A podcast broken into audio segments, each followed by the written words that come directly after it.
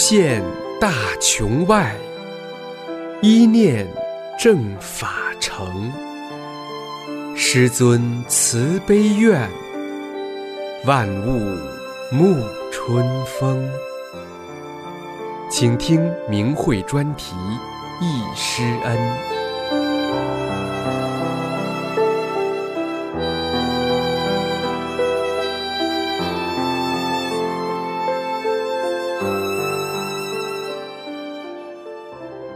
请听明慧专题《忆师恩》，回忆李洪志师尊五次广州传功传法。明慧网二零一五年二月二十五日，作者大陆大法弟子。广州是华夏神州的南大门，南临清澈柔美的珠江水，北依苍莽壮丽的白云山，是座有着千年神话传奇和悠久文明历史的俊秀华美的南国古都。远古以来，五羊接骨、醉于楚庭的吉祥神话一直在民间广为流传。相传周夷王时，有五位仙人着五色彩衣，骑五色羊，手里各拿一串骨碎，飞至楚庭，也就是今日的广州。仙人将骨碎赠予广州人，并祝愿此地永无荒芜。仙人言毕，冉冉升空而去。羊化为石，广州也因此而有“羊城”和“遂城”之称。中华民族灿烂的神传文化，如雨露般的一直滋润着岭南这片热土，维系着人们的道德，生生不息。但自从西来共产主义邪灵欺凌中国，共产党窃国开始，美丽的南国就和全国一样。陷入有史以来最动乱、最昏暗的劫难之中，一次次狂风暴雨般的整人运动，一次次恐吓和杀戮，给岭南民众带来无尽的苦痛。传统文化惨遭破坏和洗劫，导致民众思想的极度混乱和先天善良本性的严重迷失。一九九二年，李洪志先生开始弘传真善忍大法。唤醒人们沉睡的记忆，指引人们生命的升华与回归。从一九九三年四月起，一直到一九九四年十二月，李洪志先生先后在广州举办有五期法轮功学习班，共有八千多人现场聆听师傅的讲法。另外，一九九四年十二月二十七日，师尊在广州举办了全国最后一个学习班期间。对全国各地辅导站的辅导员讲法，法轮大法红传南粤大地。自1993年至1999年，短短的六年间，修炼的人从几千人到几十万人。大法真善忍宇宙至高法力，照亮了修炼者的心，不仅使修者重获身心的健康和快乐，更重要的是提高了修者的道德水平。走上了返本归真的道路，向无私无我的崇高思想境界升华。法轮大法在真修者的心里，在人世间深深地扎下了根。整整二十年过去了，大法福音传遍世界，无限威德震撼寰宇，浩荡施恩铭刻人心。为让芸芸众生得知大法之美好，认清中共邪党的邪恶，为了更好的救度世人，我们广州大法弟子对法轮大法红传广东的历史做一次详细的回顾，共同记载这段辉煌的历史，诚挚地告诉未来：李洪志师尊慈悲伟大，法轮大法好。第一节。师尊第一次广州传功传法。二十世纪八十年代，中国大地曾掀起过一阵全民气功热，数以十万计的人练过各种气功。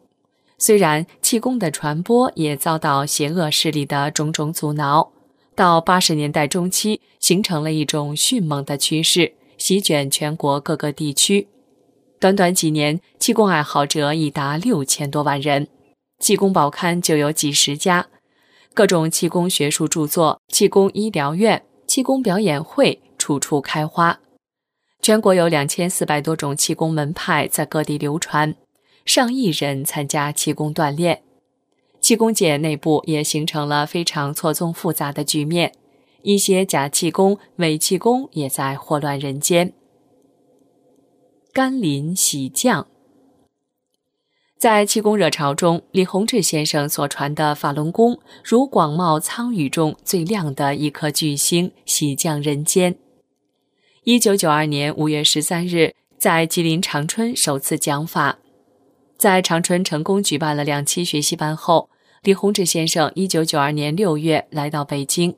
北京气功界的权威人士们被师尊超长的功法功能深深折服，一致通过了各项测试和理论考评，立刻成立直属的法轮功研究会，作为中国气功科研会的分会，并向全国推广。至一九九四年十二月二十一日，在广州讲法。应各地官方气功科学研究会等单位邀请，先后在中国各地共办班讲法传功五十六次，每期学习班为七至十天，先后有约六万七千余人次有缘参加师尊亲授之学习班。师尊无论到何处办班，都以最低的收费标准，还对老学员减半收费，而给予的却是无法估量。广东省气功协会的一位负责人，在一九九二年北京健康博览会上见到李洪志师傅，看到法轮功深受广大气功爱好者的欢迎，当时就向师尊发出了邀请。于是，在一九九三年四月十三日至二十二日，广州第一期法轮功学习班在广州市橡胶厂工会礼堂成功举办，参加人数约二百人。主办单位为广东省气功协会属下的广州宝林气功学校。陪同与师尊来广州办班的有北京法轮功研究会的工作人员和武汉一些老学员。参加第一期学习班的学员，老年人比较多，年轻人也有，但比较少。第一天是在广州市美术中学，也就是位于东风二路广州烈士陵园后门西侧旁的教学楼一楼课室举办。由于课室很小，所以第二天晚上就改在广州市教场西路广州橡胶厂礼堂举办，以前又叫三五一八兵工厂，即现在的中华广场处。有学员回忆说，第一天晚上正常上课时间是每晚七点半至九点半，师尊身穿深蓝色西装，身材高大，相貌端正，面带祥和，健步走进课室。师尊简单的做了自我介绍之后，接着就开始讲法。有学员回忆说，师尊讲法时从不用讲稿，每次只见持有一张纸条，望一眼就有条有理的从修炼的最低层气功讲起，由浅入深的把高层法力阐述出来，讲明了修炼就是修人的心性。过了一会儿，师尊看见还有很多没报名的人站在门外和窗户外面听法。师尊对气功协会的工作人员说：“让他们进来吧，不要在外面偷听，否则是属于盗法行为。你们都进来坐着听。”大家都进来了，心情非常感动，都说这个老师真好。然后师尊又继续讲法。讲课中，师尊用粉笔在黑板上画了一个法轮图形，问大家看到什么。当时有一些学员的天目开了，真的就看见法轮图形中间的万字符在旋转，其余四个万字符和四个太极图也在向不同的角度旋转。第二天晚上，一入礼堂，到处都闻到一阵清香的气味。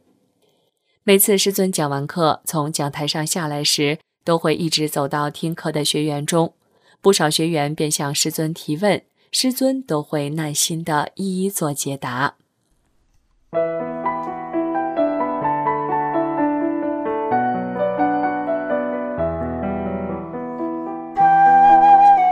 您现在收听的是明慧专题《易师恩》。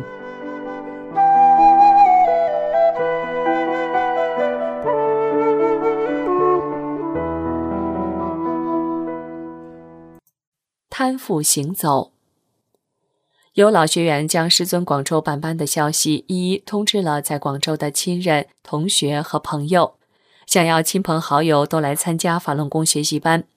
师尊却不止一次地对他讲佛度有缘人的法理，说修炼是最严肃、最神圣的事情，必须这个人发自内心想真修才行的。叫我们不要硬拉别人来参加学习班，不要勉强别人。第三天晚上，刚上课不久，有一对从广西来的夫妇进来了。只见一个男的推着一个坐在轮椅上偏瘫的、戴着眼镜的中年妇女来听法。因为师尊第一次来广州讲法，有许多人是抱着治病的想法来学的，并不知道是真正的往高层次上带人，是真正的佛法修炼。所以下课后没有多少学员的时候，师尊破例给这位学员调整身体。在场的很多学员都亲眼看见整个过程。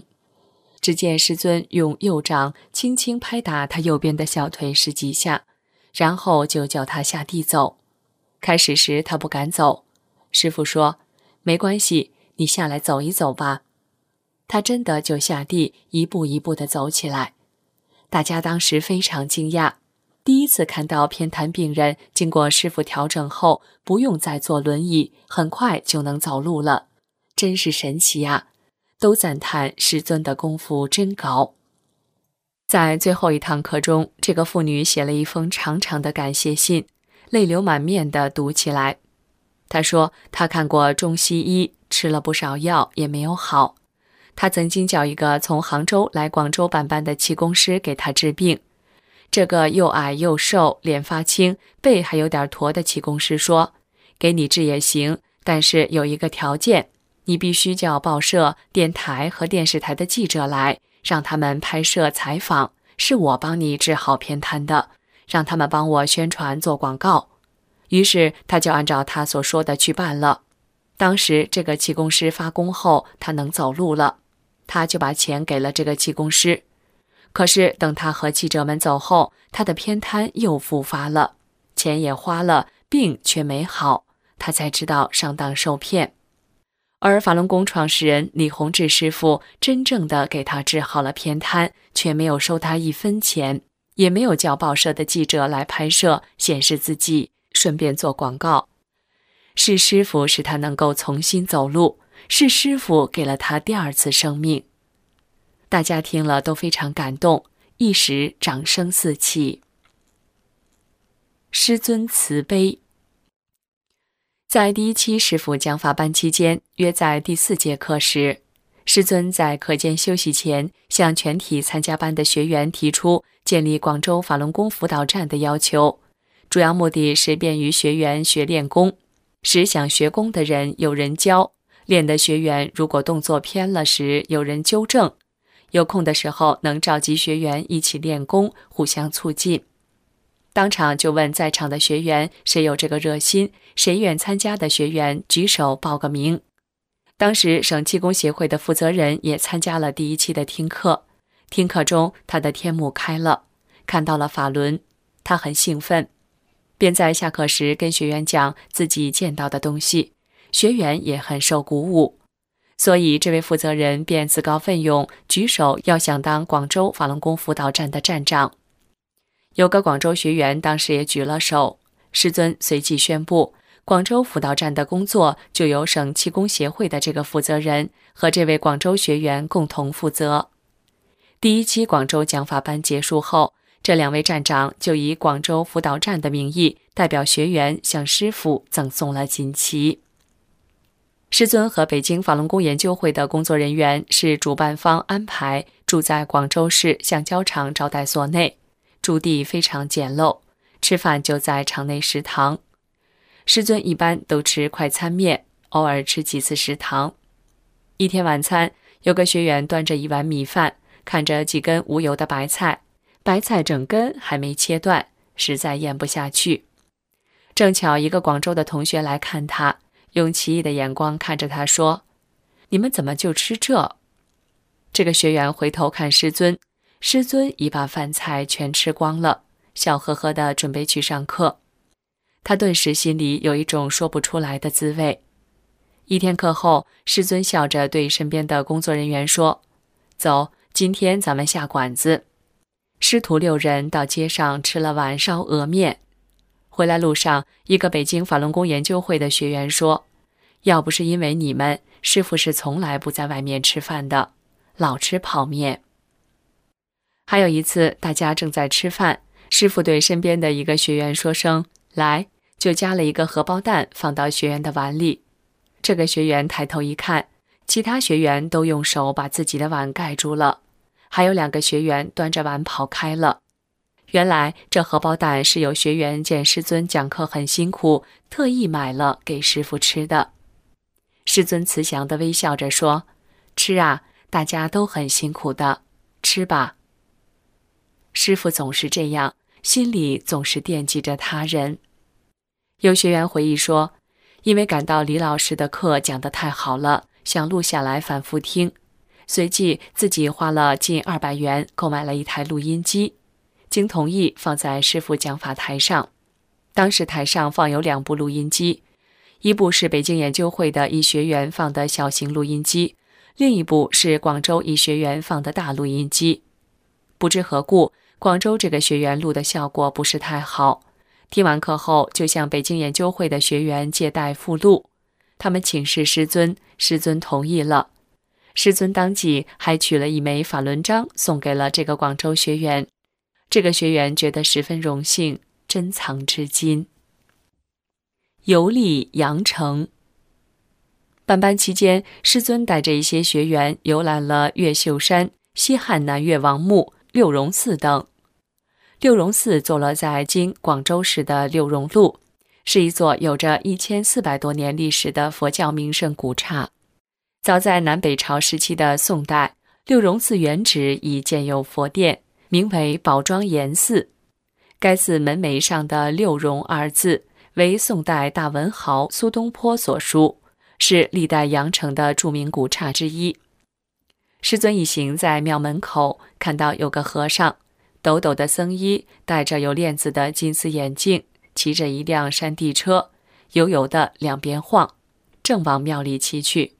大家说：“哇，这现在的出家人还有这模样。”师尊说：“这现在的和尚。”在第一期讲法班上，宝林学校校长向师傅汇报，第一期只有一百八十多学员时，师傅说：“学的人太少了。”希望下一期会有更多的人来学。一些学员听到后觉得，这么好的气功，应该叫更多的人来学才对。在第一期广州讲法班快结束前的星期天早上，学员们在三五一八工厂的对面烈士陵园门口与师尊合照留影。办班期间，北京法轮功研究会的工作人员准备去深圳与当地气功协会商议在深圳举办法轮功学习班的事宜。当时研究会的老学员背着很多大法书，乘火车赶去深圳，在深圳体育馆找到了深圳市气功协会的工作人员。当时其正在办万人气功报告会，与他们交涉后未果。之后，一学员将与其会谈情况，打电话向师尊汇报。师尊在电话里还与其负责人通了话，也未达成共识。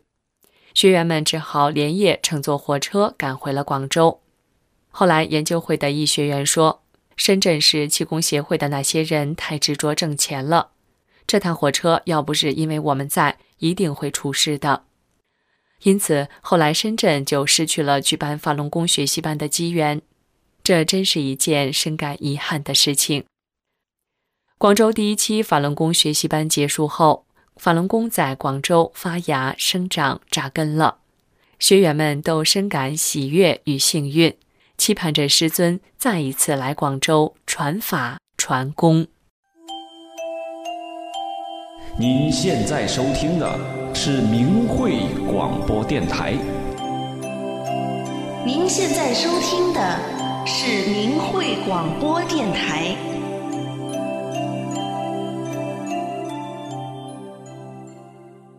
第二节，师尊第二次广州传功传法。一九九三年十月二十五号至十一月三号，应广东省气功协会的邀请。广州第二期法轮功学习班在广州市总工会礼堂举办，参加人数约为七百人。主办单位为广州市宝林气功学校。当时有学员天目看到，在师傅讲法的时候，有许多佛在舞台上走来走去的。有人去问师尊，师尊说是天上的神在帮师尊组场，不受馈赠。有学员回忆说，当时听了师尊的讲法后，多年的疾病消失了，身体一身轻。有位学员为了感谢师尊，就买了一盒礼物，好像是人参，放在师尊讲法的桌子上。师尊来讲法的时候，发现了这盒礼物，就问下面的学员是谁送给的。下课的时候，自己上来拿回去。师尊说：“不要大家任何东西，只需要你们修炼这颗心。”大家听了都很感动，一起热烈鼓掌。拾金不昧。通过听师尊的讲法，学员的心性都提高得很快。有的学员在会场上捡到钢笔、手表、钱包等物件，就马上交到上面来。师尊在台上问，下课后就有学员上来领回失物。在传法场上，这样拾金不昧的实例数不胜数。赠龙条语。师尊在第二期办班期间，广州辅导站的站长就向师尊汇报广州学员的练功情况。当时说到，由于广州地区雨天多，所以出来练功的人不算太多。师尊随即说：“那我现在给你们两条龙就好了。”当时这位站长还不是太理解，但后来发现广州的气候有些微妙的变化。早晚时分很少下雨，因为一般学员都是早晚出来练功，以方便上下班的学员。而且自师尊说这话以后，广州地区出来练功的学员真的越来越多。后来学员才悟到，其实是慈悲的师尊真的安排了天上主管天气的龙王来调整广州的气候，以利于广州学员的修炼。师徒合影。十月三十一号，正是星期日的上午。上完课后，师尊还应学员的请求，一起在中山纪念堂前照集体像。照完集体像后，一些学员又同师尊照了合影。师尊很随和，没有架子，总是面带微笑，非常祥和慈悲。有的学员很热情，以为师尊是吃斋的，所以下课后就请师尊去菜根香餐馆吃斋菜。师尊却说。一般的饭菜我都吃，肉我也吃，但是蛇、长虫等等乱七八糟的东西我不吃。第三节，师尊第三次广州传功传法。一九九四年一月六号至十五号，应广东省气功协会的邀请，师尊在广州总工会礼堂举办广州地区第三期法轮功学习班，参加人数约八百人。是由广东省气功科学研究会宝林气功学校经办的。师尊每次讲法都提前来，从不迟到。师尊在讲法时也告诉大家要早点来，不要迟到，不要把凳子弄得叭叭响，不要拍照影响别人听课，也不要做笔记，因为你记不全。只要大家静静的听就可以了。每当师尊进来时，大家都会站起来看着师尊，并热烈鼓掌。师尊每次都挥动双臂向大家表示谢意，然后单掌立于胸前表示还礼。签名。开班第一天，总工会礼堂门口已有不少学员在陆陆续续走进礼堂。礼堂大门旁边，北京研究会的工作人员在售法轮功书籍和师傅法相。刚开始在讲课前，当师尊还没有走入礼堂时，大家都一起拥上来。围得水泄不通，请求师尊帮忙在书上签名。师尊面带微笑，不厌其烦的一个接一个的给学员签名。有学员感叹道：“师尊的脾气真好，这么多人拥挤过来也不发火，师傅太慈悲了。”后来，当学员听到师尊在讲法时专门讲了签名这个问题，师尊说：“有人找我签名，我就不愿意签。”有人说，老师给签过名了，他要显示，要老师信息保护，这不又是执着心吗？修炼得靠自己，你讲什么信息呢？在高层次上修炼，你能讲这个东西吗？那算什么？那只是祛病健身讲的。选自《转法轮》，大家都听明白了，所以后来就再也没有学员去找师傅签名了。开天目，师尊在每期法轮功学习班上都会帮大家开天目。师尊说，有的人看不见，有的人看得见，有些人看不清，有些人看得清，都很正常，随其自然，不要执着。有学员天目看到师尊是白色透明的光构成的身体，也有的人看到是金色透明的光构成的身体。后来去问师尊为什么会这样，师尊说，不同层次的人看到的东西会不一样。有的学员天母看到了会场上有许多大小不一、五颜六色的法轮，向不同的角度在旋转，非常漂亮。还看到一个大法轮慢慢的旋转，上下有一根和法轮直径一样粗的白色透明的柱子，直通天顶和地下。有学员看到了师尊的头上有光柱直通天上，光耀无比。还看到了有两个小婴孩在师尊的头上玩，看得非常清晰。清理身体，师尊在最后一天讲完法后，还要帮学员清理身体。师尊领全体学员起立，教大家跺脚，先跺左脚，后跺右脚，接着在两个脚连续跺。开了天目的学员说。当大家跺脚时，被师尊清理了不少黑气、病气，还有不好的附体等害人的灵体，就像肮脏的垃圾一样，从每个人的身体上散落下来。在第三期学习班期间，讲完课后，师傅在台上打大手印，学员围观，觉得很漂亮、很好看，想学。师傅看见，便开示说：“这是跟宇宙层层众生讲法，要大家不要执着。”游白云山，在第三期讲法班期间，应天河区几个老干部学员的邀请，师尊去了一趟白云山。当时大概有三十多人一同前往游览，大家是坐缆车上山的。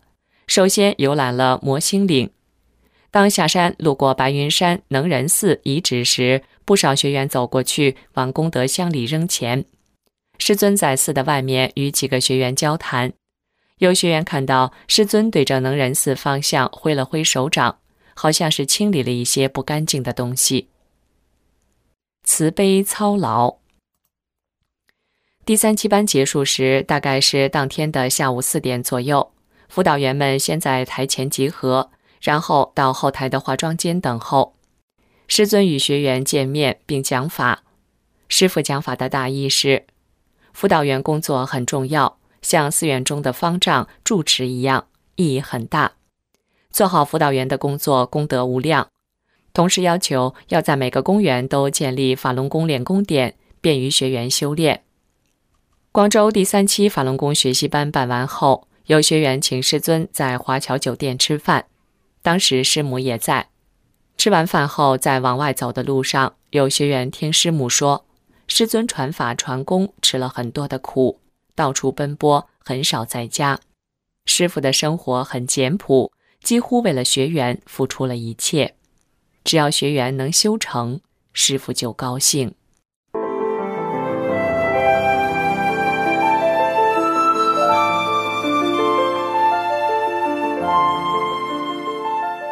您现在收听的是明慧专题《易师恩》。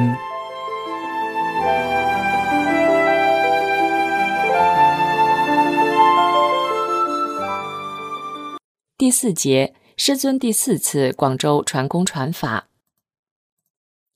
一九九四年七月十九号至二十七号，应广东省气功协会的邀请，师傅在广州市委礼堂一千人左右，因学员多、场地小，后改为军区后勤礼堂一千六百人左右，举办广州地区第四期法轮功学习班。每天办班前，北京法轮功研究会的工作人员在礼堂入口处销售法轮功修订本、法轮章和师尊的画像。进了礼堂后，有学员看见师母及师尊身边的工作人员互相交谈，非常亲切。还看到师尊的女儿身穿红色的衣服，非常天真活泼的在会场周围走来走去。过了一会儿，随着阵阵的掌声，师尊进来了。大家都站起来看着师尊。只见师尊面带微笑，挥动有力的双臂向大家致意。上课了，大家都静静地听师尊讲法。师尊说：“前几期我们广州的学员好像都听不懂我在说什么，后来我把他们的大脑炸了一下，现在他们都听明白我说什么了。因为当时很多学员都不知道师傅传的是宇宙大法，是真正的佛法，许多人都是抱着来治病、开天目或者来听听理论等等的想法走进来的。”后来大家都明白了怎么回事，知道如何去修炼自己，如何去提高自己。师尊高大魁梧，穿着白色的曲衫，脸色红润，常带微笑，面容慈祥。每天讲课不用带书，不拿本子，做好了就从上衣袋里拿出一张小纸条放在台上，不用看就讲课了。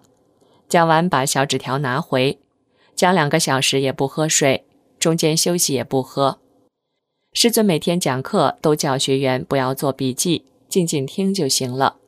师尊教大家要怀大志而居小节，教学员不用扇扇子，起来时凳子不要弄得啪啪响。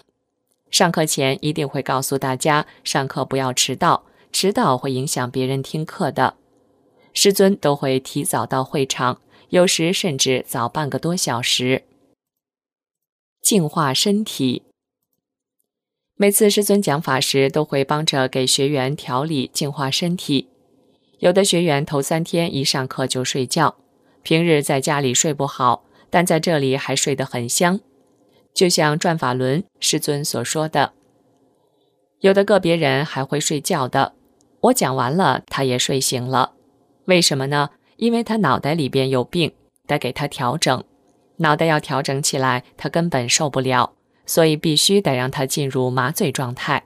他不知道，但有的人听觉部分没问题，他睡得很香，可是却一个字没落都听进去了，人从此精神起来了，两天不睡觉也不困。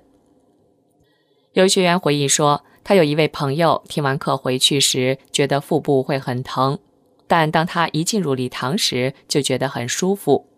我告诉他不要紧的，是师尊帮你调整身体，一定要坚持来。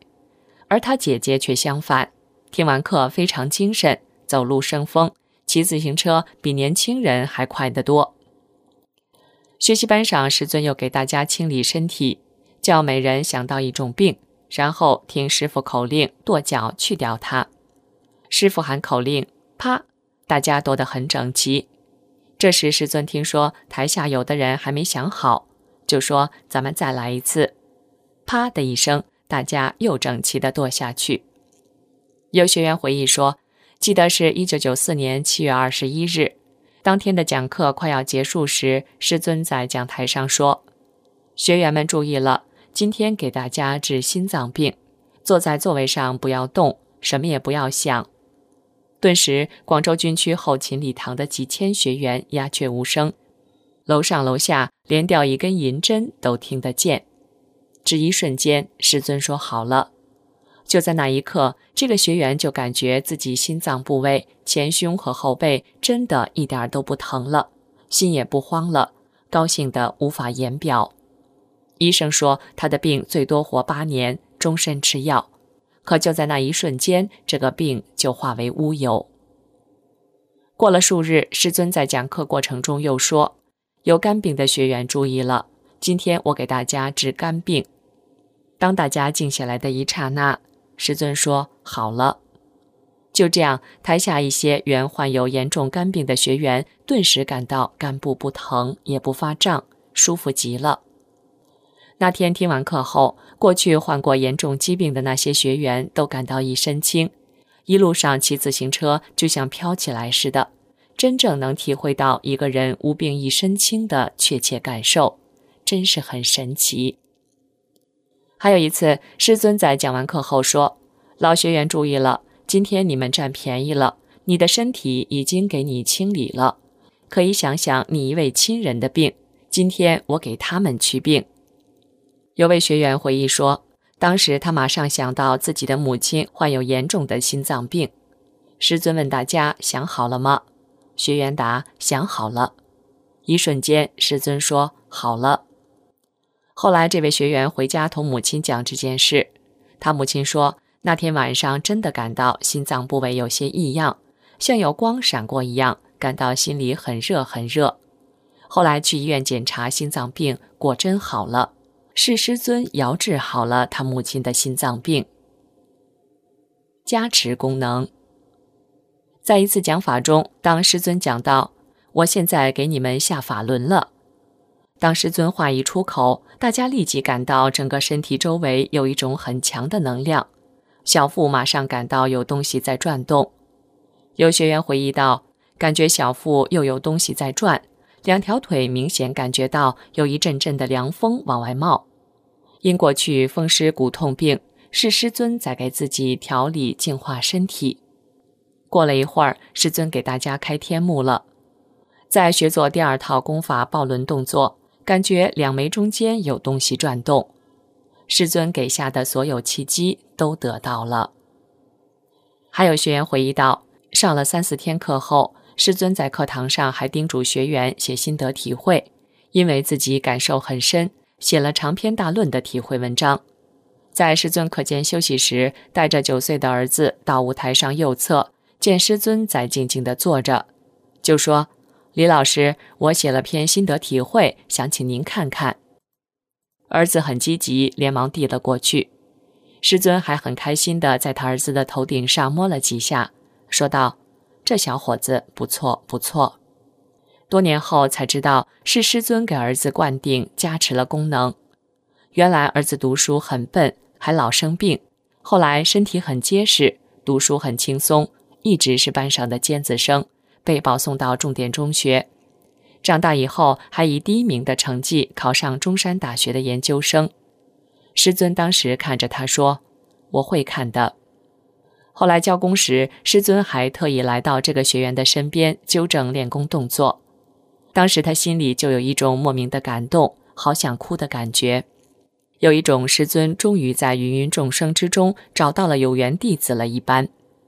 当晚梦到师尊的身体十分神圣高大，像一座山一样，自己是师尊身上的一个小小婴孩，是拽着师尊下三界的。因为是初学大法，懵懵懂懂的，不明白是什么含义，也没怎么在意。后来才知道，能得法修炼之人与师尊是何等大的缘分啊！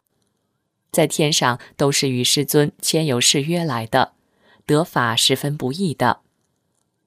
有一天，师尊走过大厅时，有一位学员走到师尊跟前，说：“老师，我坐在楼上最后一排，看不清师尊您。”我能与您握握手吗？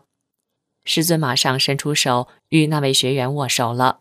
这位学员很高兴，师尊这般的随和和慈祥，真是令人感动啊！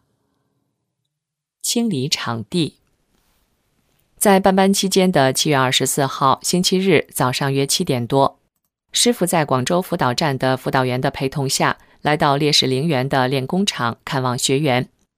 当时集体练功还没有开始，有两位学员在议论说：“我在美国住，现回国探亲，学练了法轮功。回到美国后，师尊还管不管我呢？”正好从旁边走过的师尊就说：“你去哪儿都没离开我的肚皮。”据该练功点负责人回忆说：“师傅到广州烈士陵园正门视察过附近环境，并清过场，还在讲法班上说。”在烈士陵园练功点好，已经清过场了。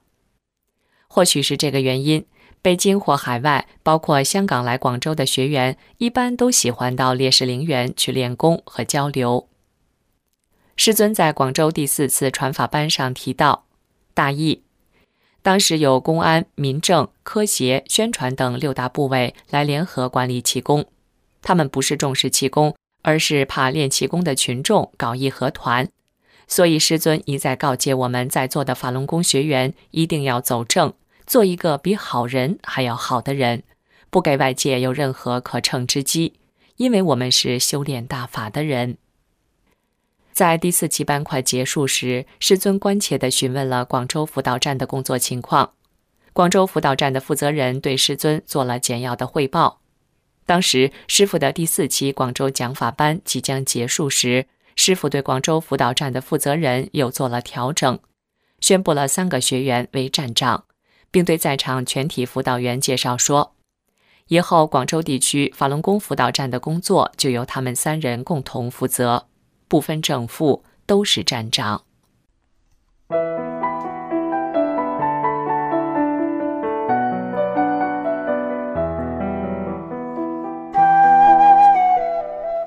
您现在收听的是明慧专题《易师恩》。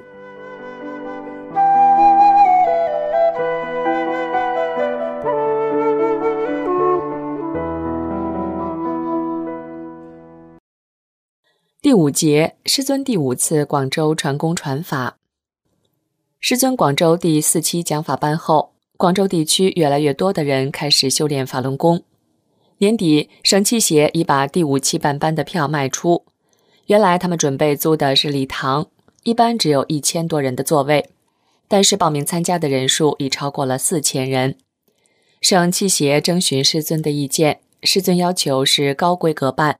所谓高规格，就是接待高、场地标准高、人数多、传播技术水平高等。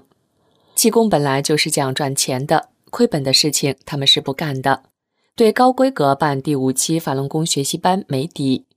为了评估风险，省器协于一九九四年九月间邀请广州辅导站学员列席他们的专项会议。广州站当时去了七个辅导员列席会议。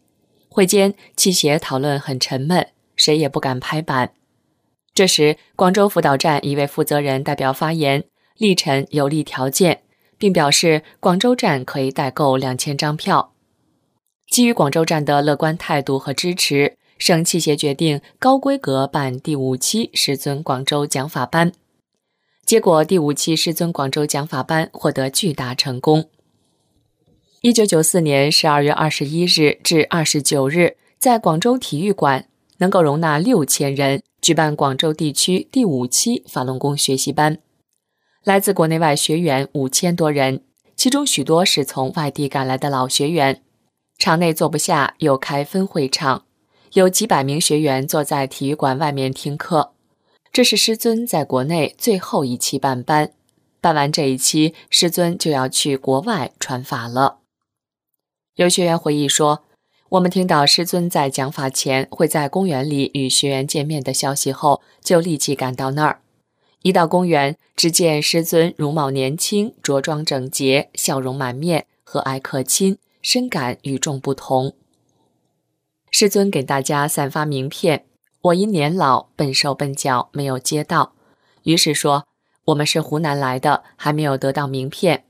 师尊马上给了我几张。”我们所有去广州的得法者都有感于师尊见面的愉快，感到时间过得飞快。众神在场，在第五期讲法班开班第一天开办前，一位学员一早就到了师尊房间。只见师尊闭目打坐，学员不敢惊动师傅，便在一旁等候。一会儿，师尊便进入洗手间，近半个小时未见出来。学员便问坐在一旁的师尊的女儿，大家都以为师傅去了洗手间，可到洗手间一看，门是开的，里面空无一人，大家倍感诧异。不一会儿，师尊从洗手间出来。后来，师尊对广州站的辅导员说：“今天谁来听课？另外空间都有安排，有多少个座位？哪个座位坐哪个神？哪个菩萨要来？坐哪个位置都要安排。”师尊第一天讲课下来，学员感到师尊传法很累，很累，很辛苦。晚饭师尊吃的很少，因为师尊太忙，所以学员以后晚一点才去接师尊吃饭。有学员回忆说，师尊在广州第五期班讲法期间，讲法前从不吃东西，讲完法后才去吃点宵夜。一些老学员谈到，师尊每次办法轮功亲授班时。事先都要打出许许多多的功，还要打出大法轮布场。师尊还要打出许许多多的小法轮，为学员清理身体、调整身体。还有师尊的法身要为学员做很多事情。当那些功回来时，都是被学员身上业力污染的，还要洗功。师尊当时讲，那些功回到身上时感到很累。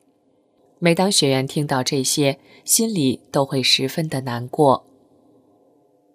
千里求法，师尊举办广州第五期班，因为是国内最后一期，全国大量学员涌向广州。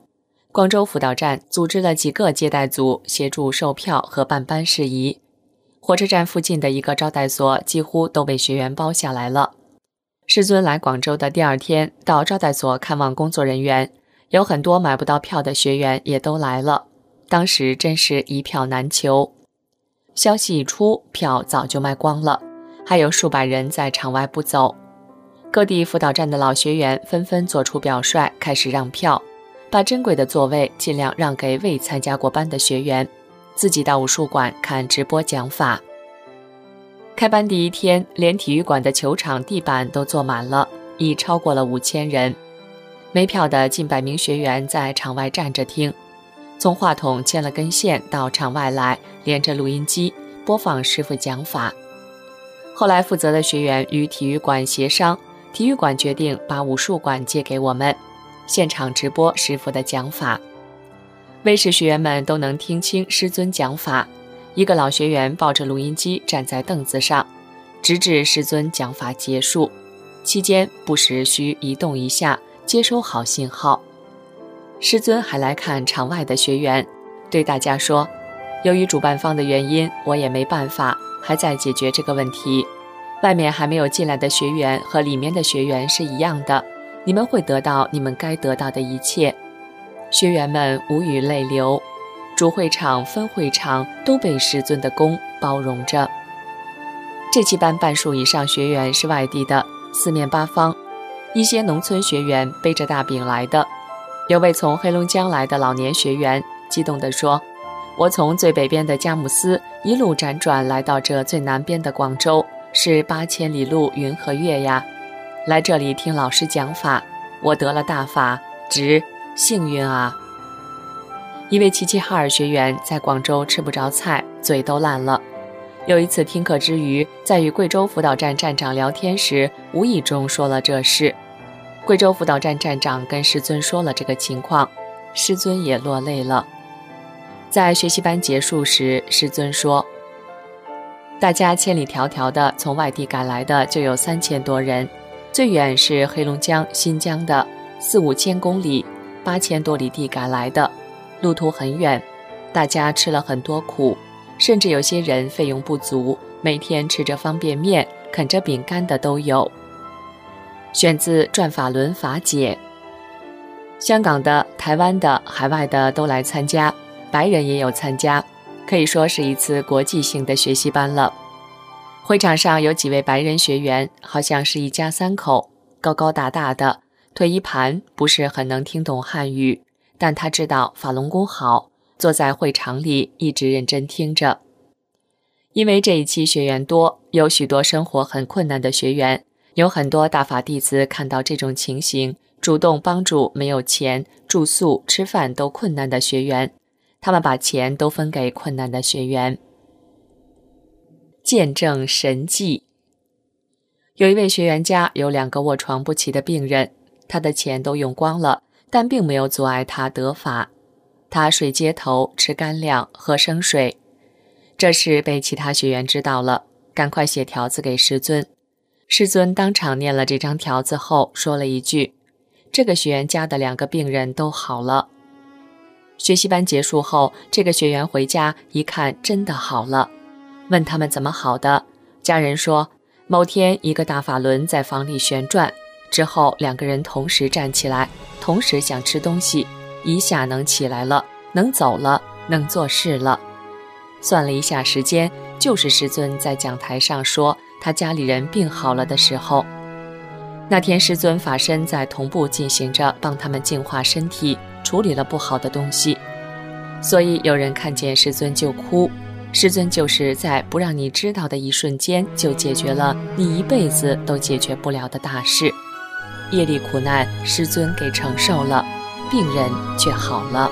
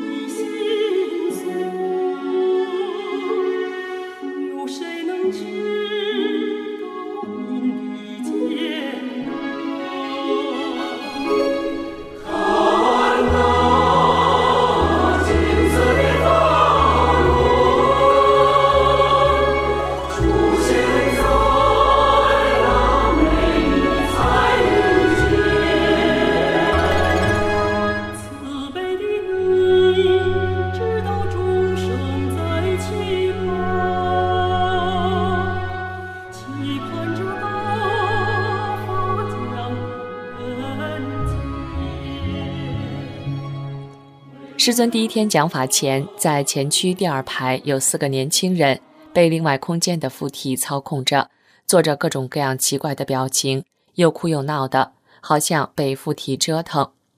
有辅导员怕他们捣乱，师尊进场时马上告诉了师尊。师尊满脸笑容说：“我知道了。”就大步走向讲台。辅导员还是不放心，把研究会的学员叫过来。他看了他们一会儿。其中有一个年轻人缓过一点劲儿。到师尊讲法的第三天，这四个年轻人的附体被师尊清除掉了，整个人恢复正常状态，和其他学员一样，静静地坐在那里听课了。空前绝后，在第五期师尊广州讲法班，师尊的女儿也跟随来到广州。吃素先是安排在白云山附近的旅店。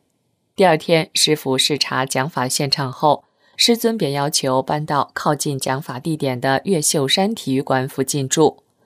广州学员便按师傅要求，在离体育馆讲法地点仅有步行约五分钟距离的湖天宾馆居住。就这样，湖天宾馆就成了办班期间师傅会见全国各地辅导站站长及海内外大法弟子的地方。每天中午，师尊都要听取各地辅导站负责人的汇报，并针对各地的不同情况讲法。师尊几乎每天都要见好几拨人，其繁忙程度无法言表。学习班结束了的时候，全体工作人员一起吃饭，当时人很多，分三桌坐。有的学员是第一次参加这种场面，把与师尊近的位置让给资格老的学员。师尊好像看透了每一个人的心思，特意向远一点的饭桌走来，大家高兴地鼓掌欢迎。师尊叫大家坐下，都不肯坐，因为师尊站着。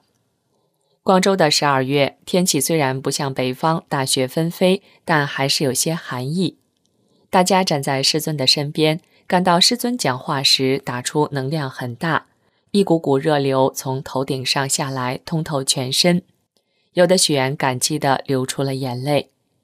师尊吃的很少，几乎没吃什么东西，一直微笑着和学员说话。